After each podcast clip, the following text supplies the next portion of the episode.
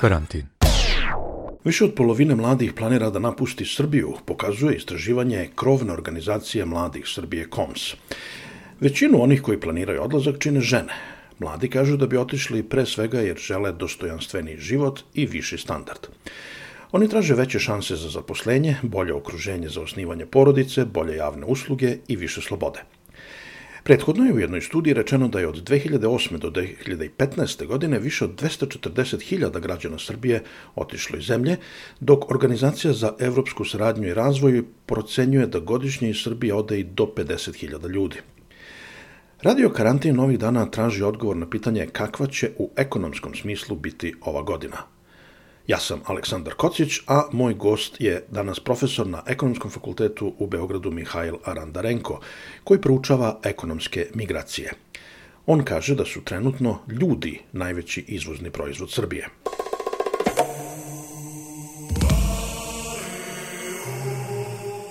Vi ste ovih dana objavili jedan zanimljiv rad na temu kretanja radne snage, odnosno odliva radne snage iz Srbije pre svega.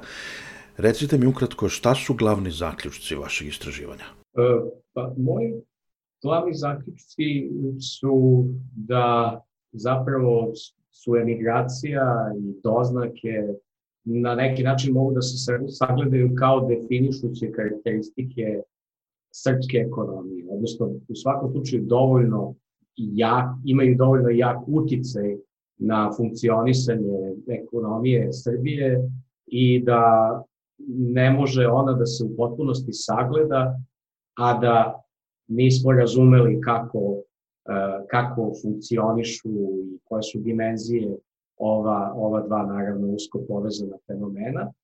I moj pokušaj je bio da probam da popunim po mom mišljenju izvestnu prazninu u našem sagledavanju toga. Znači uvek se govori naš BDP je toliki i toliki, međutim e, postoji drugi ajde da kažemo, e, ekonomski agregat koji se zove bruto raspoloživi nacionalni dohodak i on u sebe uključuje tu komponentu doznake. Kada gledate doznake, kada dodate doznake, onda zapravo shvatite da u Srbiji uh, uvek ima pa blizu 10% e, više dohodka nego što bi bilo da nema, da nema emigranata s jedne strane, Samo da pojasnimo na brzinu, doznake su ono što ljudi koji su otišli uplaćuju svojima kod kuće u Srbiji. To su doznake. To su, kako ja zovem, prave doznake. Međutim, kada, s, kada gledate makroekonomski bilanse, te prave doznake, znači ono što neko kao emigrant šalje svojima kod kuće, te prave doznake nikad ne prelaze više od 2-3% BDP-a. A tri, a, a zapravo njihov ukupan iznos e, u makroekonomskim bilansima po procenama, to je jako teško ovaj, zaista, e, zaista sagledati e, egzaktno, ali svejedno taj bilans je skoro trostruko veći. E, odakle ta diskrepancija? Pa diskrepancija potiče iz toga što je statistički koncept doznaka ovaj, daleko širi od ovog popularnog značenja i on u sebi uključuje još najmanje dva važna elementa. Jedan su devizne penzije, e, zatim tu su i one čine trećinu, pošto je struktura naše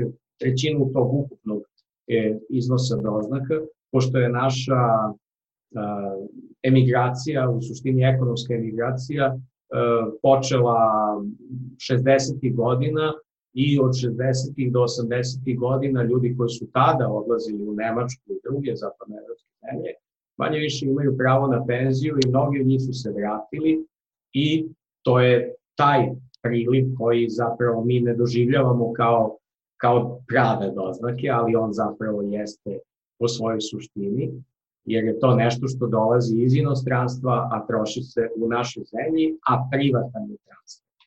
I naravno postoje E, takođe još zanimljivije stvari kao što su dohoci freelancera. E, ili uopšte telemigranata, ljudi koji ne moraju da budu čak i freelanceri, mogu da rade za strane poslodavce, a da žive u Srbiji, da se ne viču iz Srbije i da im stiže plata ili prihod na neki račun u inostranstvu i da oni sa karticama podižu novac u Srbiji. I to je takođe doznaka tehnički. I vi kažete u istraživanju da je da su ljudi najvažniji izvozni proizvod Srbije. Jel možete to da mi malo detaljnije objasnite? Nisu znači maline? Nisu maline, nisu, e, nisu ni automobili, ni čelik, nego baš, nego baš ljudi. Zapravo je, e, opet, to je logična posledica ovoga, ovoga što sam prethodno rekao. E, postoji jedan način da se zapravo sagleda koliko je, ako hoćete, produktivna emigracija, kada zanemarimo sve ove druge, sve ove druge komponente doznaka, ali znači možemo da gledamo koliko ljudi koji su rođeni u Srbiji ili koji su državljani Srbije živi danas izvan Srbije i onda da to uporedimo sa procentom doznaka u bruto domaćem e, proizvodu. I kada tako ovaj, gledamo, onda ispada da je 14% državljana Srbije ili bolje rođenih u Srbiji, ovaj, da, da, da njih ima oko 14%, odnosno po procenama oko 950.000 ljudi, ovaj, da oni na neki način mo, mogu da se povežu sa tim povećanjem od BDP-a od 8%. A to je takođe u, izrazima radne snage, ja sam računao sa kolegom Aleksićem nešto, naravno to su sve procene, e, to je oko 400.000 više zaposlenih državljana Srbije u odnosu na zaposlene rezidente. Znači, kad gledamo zaposlenost u Srbiji, ona je možda neki danas 2 miliona i 700, 800 hiljada, ali, kad, ali im treba dodati još oko 400 hiljada oni koji su u svakom trenutku u inostranstvu i e, deo svog diskrecionog dohodka e, troše u Srbiji. Ako su oni na neki način stalni migranti, ako nemaju nameru da se vrate, i barem ne do penzionisanja, onda je logično da oni grade svoj život u toj zemlji destinacije i da uh, ono što od, njihovo, od njihove zarade stiže u Srbiju nije nešto previše. I to su te pravi Međutim, postoji mnogo više onih koji su samo privremeno u, izvan, izvan zemlje u svakom trenutku i oni zapravo uh, nastoje da što veći deo tog dohodka koji im ostane posle pokrića minimalnih troškova, uh, tog diskrecijalnog dohodka, dakle vrate u zemlju i da reše neki svoj životni problem, recimo da se zidaju kuću, da ovaj, možda otvore neki sobstveni biznis, da prosto žive bolje, da mogu više i komotnije da troše, to su sve legitimni motivi tih privremenih, cirkularnih, kružnih migranata. Evo, recimo, tipičan primjer kružnog migranta nov, novog tipa su ljudi koji rade na kruzerima. Ovaj, znači, oni za koje se zna da postoji određena sezona i on će otići raditi na njemu, vratit će se u nekom trenutku u zemlju i onda tako ponovo i zapravo on nema drugu, on nema zemlju destinacije, ali nikada nije u Srbiji osim kada, kada troši svoj zarađeni novac. I sad mi kažete, spominje se ta famozna cifra od 50.000 ljudi koji godišnje odu iz e, Srbije. Da li je to po vašim saznanjima tačan podatak? Koliko zapravo ljudi odlazi i gde odlaze? Pa to je tačan podatak koji se pogrešno interpretira. To je podatak o bruto odlascima, znači o ukupnim odlascima. Kao kada imate, znači, kao kada bismo rekli, ne znam, svake godine u Srbiju dođe, ja se ne bavim turizmom, ali recimo svake godine u Srbiju dođe 3 miliona ljudi. Odmah nam je jasno da ne ostane u Srbiji tih 3 miliona ljudi koji su zapravo uglavnom prošli Ono što nas treba u tom slučaju da zanima je razlika između onih koji su došli i oni koji su otišli, koji su se zapravo vratili. I slično je i sa, um, i sa tim, tom cifrom od 50.000, brojkom od 50.000, koja je zapravo još, još i veća, ako sagledamo ta, tih 50.000 za 2018, recimo, odnosi se samo na Evropsku uniju. Znači, ako gledamo zemlje OECD-a i druge zemlje, ona bi bila preko 60.000 verovatno. Međutim, to su ljudi koji su otišli i većina njih, možemo sa sigurnošću da tvrdimo, se vratila. Ako ne iste, ono sledeće godine, su imali takve dozvole boravka od otprilike godinu dana i takav, takvu prirodu odlaska koja podrazumeva da će se vratiti u zemlju. Mi to možemo indirektno da gledamo, opet sve kroz statistiku e, Eurostata, možemo da gledamo recimo e, ako posmatramo zemlje destinacije. Ako vidimo da je broj tih prvih odlazaka u e, recimo Hrvatsku ili Maltu bio po 5000, a u Austriju 3000, onda nam je jasno da ti odlasci u Hrvatsku i Maltu su vezani za turističku sezonu, koja je bila normalna 2018. i 19. godine, a odlasci u Austriju za koje bismo očekivali s obzirom na to da se smatra da je Beč četvrti najveći srpski grad na svetu i tako dalje, neki misle i, i, i, da je još na višoj poziciji, znači očekivali bismo su daleko veći. Međutim, radi se o tome da ti odlasci u Austriju imaju potencijal da budu trajni. A odlasci u Hrvatsku i Maltu imaju u suštini daleko skromniji potencijal da budu, da budu trajni. Ili zamislimo odlaske u zemlje za koje nemamo statistiku, ali recimo oni koji odu u Dubaj. Oni sve i da, kad bi hteli da tamo, kako kažem, dobiju državljanstvo Dubaja, ne bi mogli. Jer to je prosto politika ovaj, u, u zemljama destinacije. Ili oni koji odlaze u Kinu i slično. Znači njihova ideja je u, u principu, ja govorim sada statistički, pojedinačnih slučajeva uvek ćete imati ostanaka, ali statistički većina odlazi da zaradi neki novac koji ne može u svojoj zemlji i da taj novac potroši u svojoj zemlji.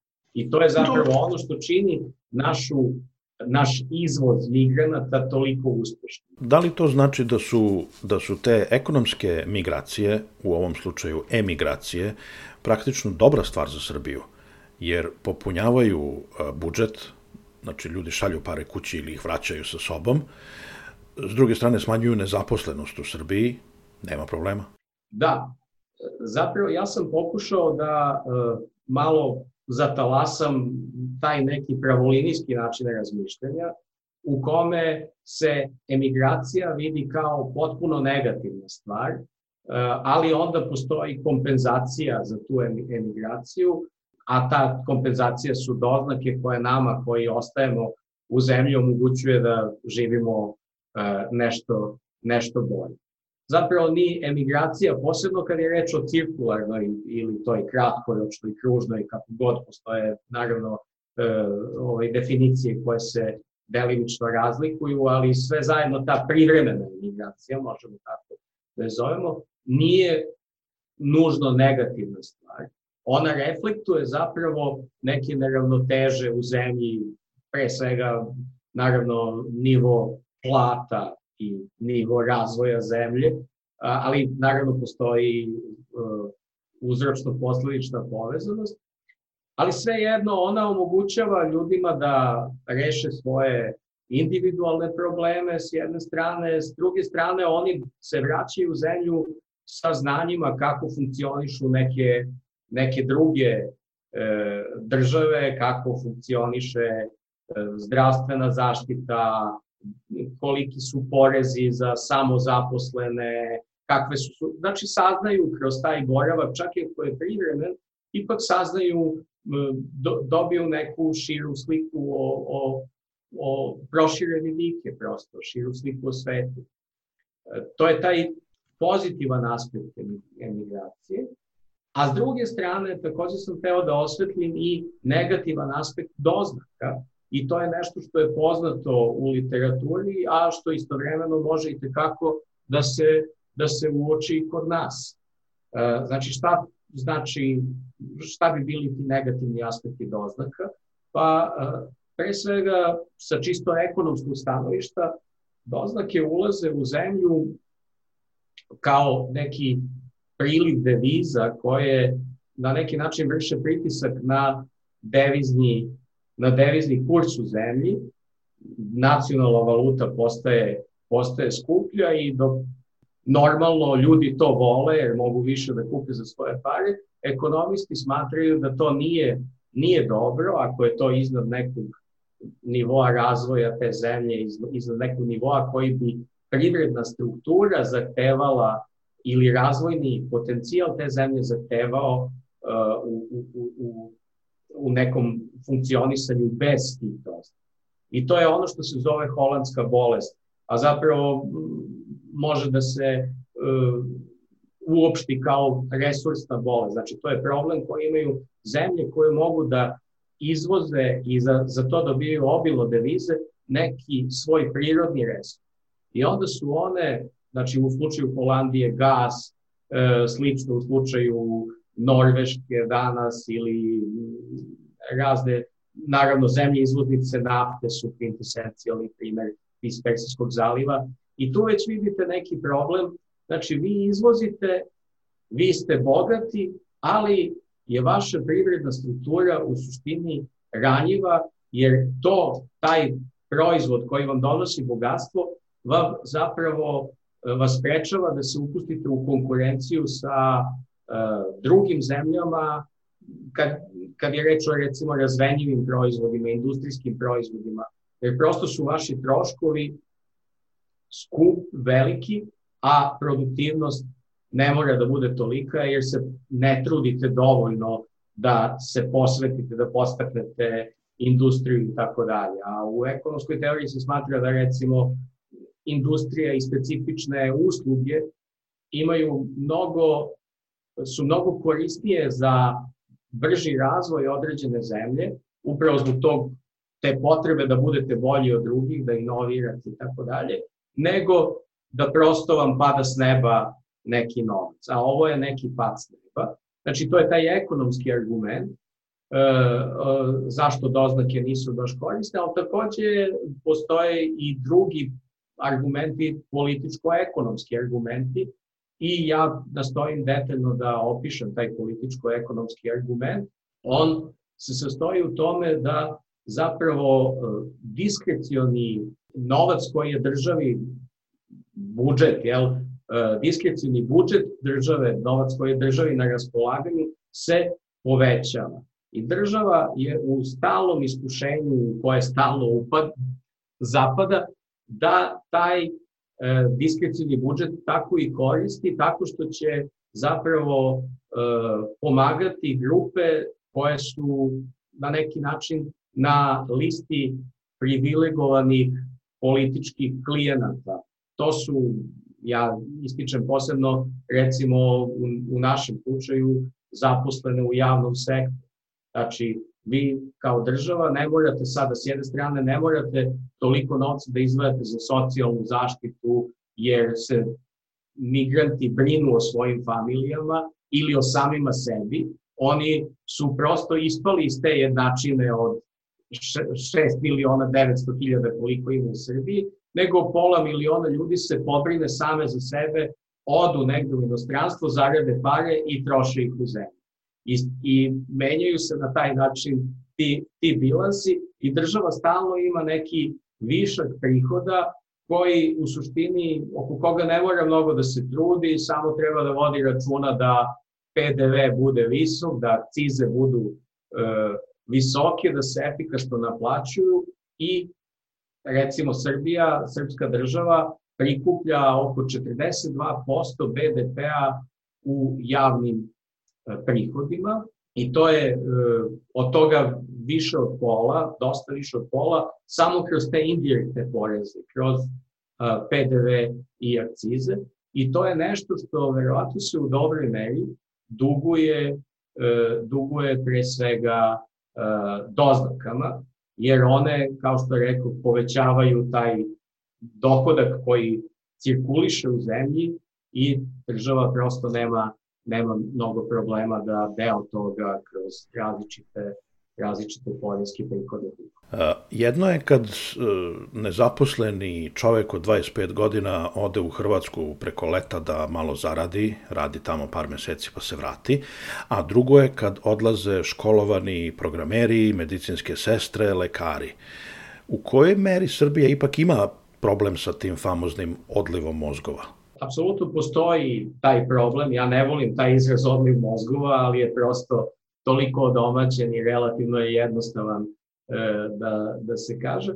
Postoji taj problem posebno na tom nekom nivou apsolutnih brojeva, ako hoćete, pre nego na nivou, na tehničkom nivou, gde gledate koliko su oni koji su otišli bolje obrazovani od onih koji su ostali u zemlji.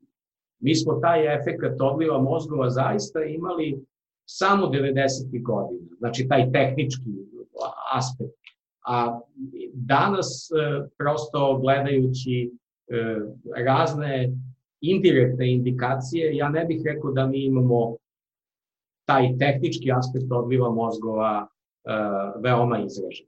Međutim, mi imamo suštinski problem, naravno sa nekim zanimanjima, upravo sa ovima koje ste, koje ste vi spomenuli i možemo da lociramo, znači, prema zanimanjima problem odliva mozgova i prema zemljama prema zemljama, to je Nemačka. Znači, Nemačka je jedina zemlja stare Evrope, kako je ja zovem, znači ti ovaj, člani, članice, bogate članice Evropske unije od pre 2004.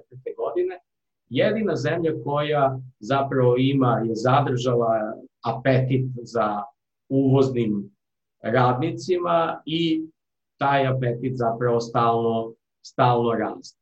I očigledno da Nemačka zapravo ublažava i svoju politiku naturalizacije, barem prečutno, što znači da tu postoji, razumete, tu, tu postoji ta neka uh, opasnost da se ono što ja vidim kao relativno benignu migraciju, ovu koju ste opisali, 25-godišnja koji odlazi da zaradi duplo veće pare preko leta i nastavlja život u, u, u Srbiji, i s druge strane ovu manje benignu emigraciju koja podrazumeva neko planira da ode, video je da postoji prilika u zemlji destinacije, e, u konkretnom slučaju te prilike su najveće u Nemačkoj, nešto malo u skandinavskim zemljama još, u drugim članic, starim članicama Evropske unije ne.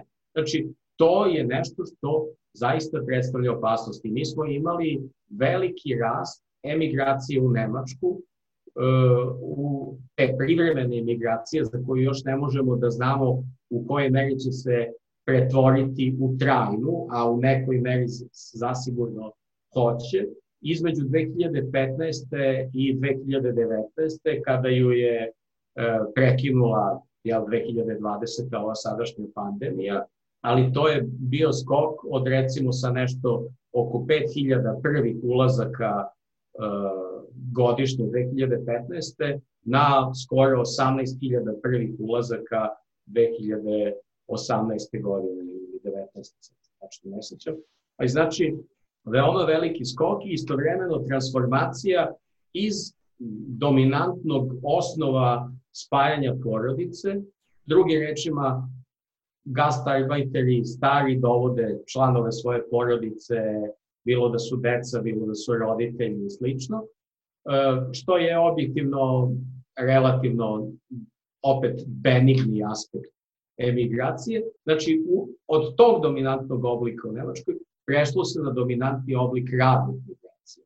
I to su pre svega medicinsko osoblje, posto, postojali su i ugovori sa našom zemljom i takođe razne kategorije zaposlenih, od kojih nisu svi zapravo visoko obrazovani većina izgleda ipak i oni koji odlaze u Nemačku nisu visoko obrazovani. I ne treba zaboraviti takođe da recimo 2013. kad je taj neki ugovor počeo da se, e, ovaj, ili projekat e, trostrukog dobitka, to je lep naziv da se kaže da svi dobijaju, dobija i zemlja u koju i Nemačka, dobije i Srbija, dobije i onaj koji odlazi. Znači, ako je to neki medicinar koji nema posla u Srbiji, i sad da ode u Nemačku na dve godine ili na godinu dana na neki ugovor privremeni koji e, ostavlja mogućnost da se osoba vrati, pošto je radila u nekoj drugoj sredini, naučila procedure i tako dalje u Nemačkoj, to zaista izgleda kao trostruki dobitak. Međutim, ako postoji disbalans između stalni i rastući, između onih koji odlaze i mnogo manjeg broja onih koji se vraćaju, onda to zaista može da postane, postane problem za zemlju koja šalje takve Da li to znači da možemo da očekujemo uh, deficit, odnosno probleme u popunjavanju radnih mesta u nekim važnim strukama? Pa mo, ne samo što možemo, nego to smo i iskusili, to, i, to, to je i zabeleženo negde već oko 17. 18. 19. godine, ali po mom mišljenju, ne govorim sada samo o medicinskom osoblju, mada tu i tamo neke specijal, specijalnosti, jer zapravo mi imamo veći broj studenta e, medicine ili čak i polaznika srednjih škola u odnosu na prosek OECD-a. Ali dobar deo toga i kada dobar deo toga i kada rastući deo tog broja izvozite, e onda možete da dođete u, u problem. I sada smo negde bili na granici, pretpostavljam da će, nared, da će ova sledeća godina poboljšati malo taj odnos, jer prosto je teže da se sada ode, ode iz zemlje i zapusti negde drugde, ali to su sve, to su sve privremene stvari. Ali ja moram da kažem da ja to ne vidim kao, kako da kažem, kao problem koji nije u pravu. Ne vidim to kao problem koji se potpuno oteo kontroli ili kao situaciju u kojoj e, ovaj, država mora nešto dramatično odmah da, da uradi, što je tipično za, naš, za nas. Ovaj, neko vreme se ne radi ništa, pa onda odjednom raskinemo ugovor sa Nemačkom ili ovaj, praktično počnemo da pričamo o ogromnim troškovima, da ljudima treba naplaćivati ako, ako odlaze iz zemlje i tako dalje. To je, to je sve preterano. Šta sve može da se uradi? Naravno, poslodavci u zemlji i država u šire smislu su deo takođe problema. Mi imamo sistem i to je ovaj sistem o kome sam govorio tog klijentelizma podržanog prilivom doznaka, ovaj, u kome e, javni sektor ima veće plate od privatnog sektora. Čak i kada se sagledaju razlike u e, nivou obrazovanja i tako dalje. I drugi rečima, sva ta deficitarna zanimanja kod nas, deficitarna su delimično zbog toga što su plate male i što su porezi za niže plaćeni rad veoma visoki. Učiteljica u Slovačkoj ima nešto veću platu od učiteljice u Srbiji, ali, a pri tome učiteljice u Srbiji nemaju bog zna kakve plate, ali industrijski radnik u Slovačkoj ima dvostruku platu od industrijskog radnika u Srbiji. I delimično je to rezultat e, porezkog sistema, mi imamo neki ravni porez koji zapravo više oporezuje one koji su manje, manje kvalifikovani i tako dalje. Znači, to je jedan aspekt. Drugi aspekt upravljanja. Znači, ako bismo mi nešto uradili, drugi rečima, imali zakon o radu koji bi štitio prava zaposlenih umesto da ih smanjuje, ako bismo imali porezki sistem koji bi na neki način ispeglao te razlike, zaboravio sam da kažem da u ostatku istočne Evrope su plate u privatnom sektoru veće u odnosu na plate u javnom sektoru, skoro u svim zemljama, uključujući i tu Slovačku, kao što je moglo da se vidi iz, iz ovog primjera. Znači, to je taj jedan aspekt šta mi možemo da uradimo i drugo šta mi možemo da uradimo u odnosu sa zemljama destinacije. U našem primjeru to je prilično jednostavno.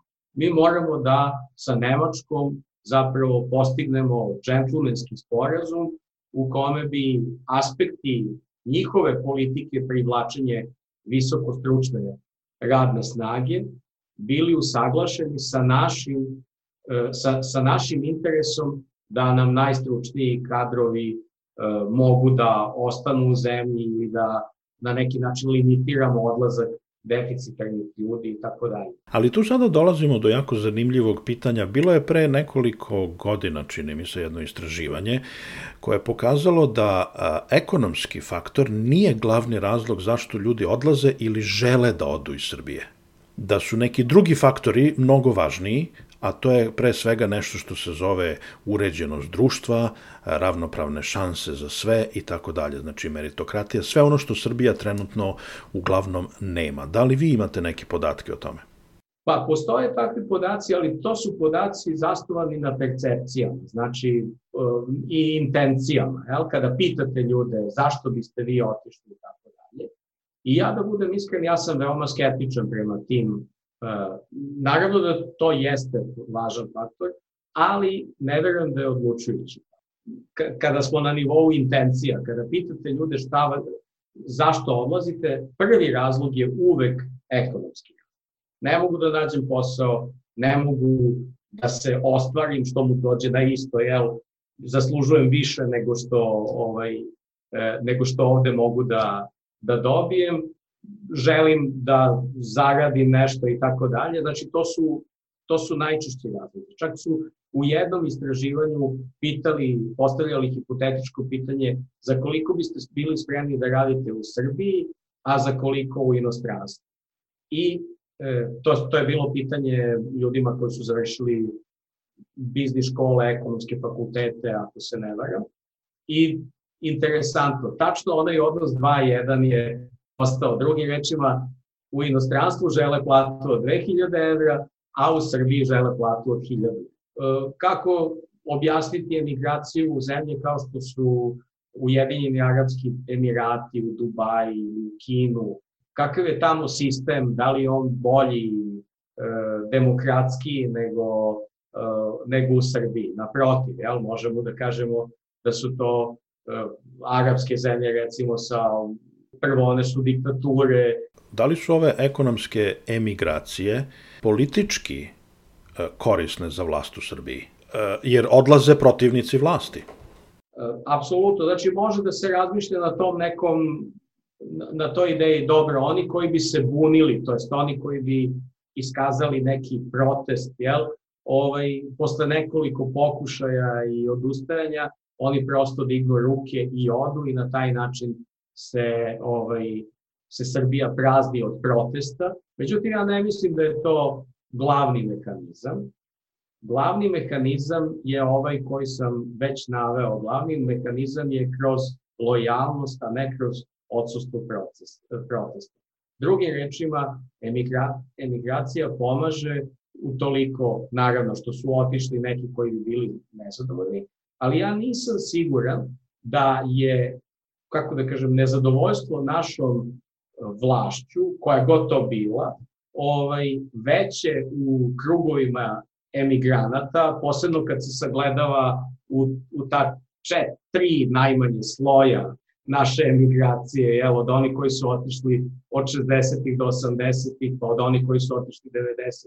i najzad od onih koji odlaze 2000. Znači, ne verujem da je ta, ovaj, to nezadovoljstvo veće i da su migranti e, u ukupnom sagledano bitno nezadovoljniji od onih e, zemljom od onih koji su, koji su ostali. Neki čak mogu da misle i da je to obrnuto, da sa nekim vremenom dođe do, do određene nostalgije, da se sagledavaju negativne strane zemalja u kojima žive ili da ljudi postanu veći nacionalisti sa, sa odlaskom. To su sve stvari u koje se ja u koje se ja ne upuštam i koje objektivno smatram sekundarnim. Ono što smatram primarnim je taj mehanizam koji se događa u samoj zemlji, a taj mehanizam je država ima više novca i manje odgovornosti. Pričamo stalno o tome da imamo odlazak kadrova, manje obrazovanih ili više obrazovanih i da se neki vraćaju i tako dalje. Postoji li prostor u Srbiji za uvoz radne snage, osim košarkaša? Da mi zapravo stalno imamo uvoz radne snage ili preciznije uvoz migranata koji onda su ovaj, nužno i deo radne snage i to je ono što mi ne doživljavamo u Srbiji kao uvoz, osim u nekim, kako da kažem, unutar srpskim prepucavanjima, a to je zapravo uvoz iz Bosne i Hercegovine i iz Crne Gore. Znači, tradicionalno ljudi odatle, posebno oni koji su Srbi, dolaze u Beograd ili u druge centre, studiraju ili dolaze zbog naravno rodbinskih veza i rade, rade tu. Ponovo, definicija migranta je da je rođen u drugoj zemlji. I mi, naravno, u našoj svesti, posebno ako smo malo stariji, imamo ideju da neko ko je rođen u Danilogradu ili u Sarajevu je svejedno iz naše zemlje. Ali on tehnički je migrant i to se nastavlja, ta imigracija iz, iz Bosne i Crne Gore pre svega, ranije naravno iz Hrvatske, se, se nastavlja. I ona, e, i to je velika razlika u odnosu na druge zemlje Zapadnog Balkana koje imaju samo odlaske. Beograd je s druge strane ipak i dalje veliki centar u ovom regionu e, i e, on je u stanju da privuče tu i tamo kako da kažem, i prave migrante. Jel? Znači, danas imate naravno i te, taj potencijal da, tu do, da, da prosto odaberete Beograd uh, kao s, skoro slučajno, kao sedište svog svetskog telemigrantskog biznisa, zato što je jeftino živeti, noćni provod nije loš, ako imate 20-30 godina, sve jedno gde radite, avionske veze su dobre i tako dalje. Znači, to su sve E, aspekti koji e, u suštini takođe popravljaju taj naš migracioni bilans. Znači, s jedne strane, rekli smo od tih 50-60 hiljada ljudi koji su otišli, recimo da je 20.000 možda ili 15, između 15 i 20.000 da je da su kandidati da trajno odu, ali s druge strane imamo možda 5.000 oni koji su došli ovde da ostanu ili će popunjavati na izmenično taj, taj broj, bilo da su to ljudi koji su, kažem, iz regiona pa e, su se preselili u Srbiju trajno ili su oni koji se tu slučajno zatiču, ali iz godine u godinu ovaj, rade. I na kraju samo da vas pitam, postoji li ikakav prostor da se zadrže, angažuje, postoji li naravno i politički interes, e, da se zadrže migranti koji su se zatekli u Srbiji, koji su na toj migrantskoj ruti sa juga ka severu, od među kojima ima sigurno ljudi koji imaju neophodno znanje da popune neke rupe u Srbiji. Da kažem, ja to vidim kao potpuno odvojen problem. Znači, to, to nije ekonomska migracija. Oni, kako kažem, zajednički cilj tih ljudi je da dođu do bogatih zemalja zapadne Evrope. To je s jedne strane, s druge strane to je politički veoma uh, osetljivo pitanje.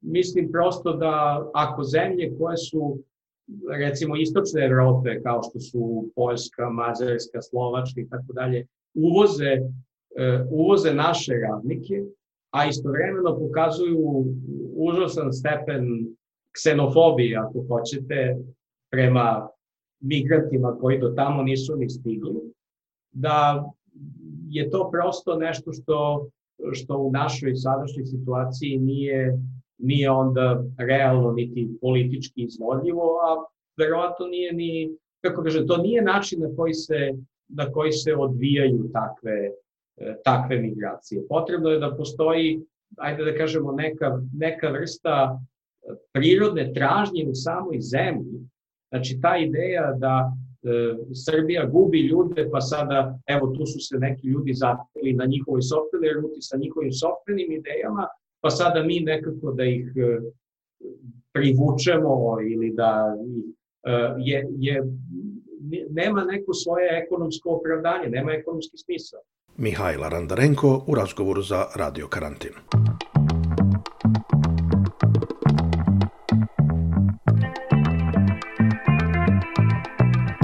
Radio Karantin. I kad ste već ovde, mi bi da vas zamolimo za pomoć. Pomozite nas novčano. Svaka vaša donacija puno nam znači da pokrijemo troškove nabavke, neophodne tehnike, postavljanja podcasta, održavanja sajta i promocije. I najmanja vaša pomoć znači nam puno. Od nas ćete dobiti godišnji izveštaj o utrošenom novcu. Možete da nam pomognete jednom ili na redovnoj, nedeljnoj ili mesečnoj osnovi. Možete da nam date 1 evro, dolar, funtu, dinar ili šta vam zgodno, a može i 100. Jednostavno je i ne oduzima puno vremena. Sve informacije o tome kako da nas pomognete imate na našem web sajtu radiokarantin.eu. Hvala vam što slušate i čitate Radio Karantin i što nas podržavate.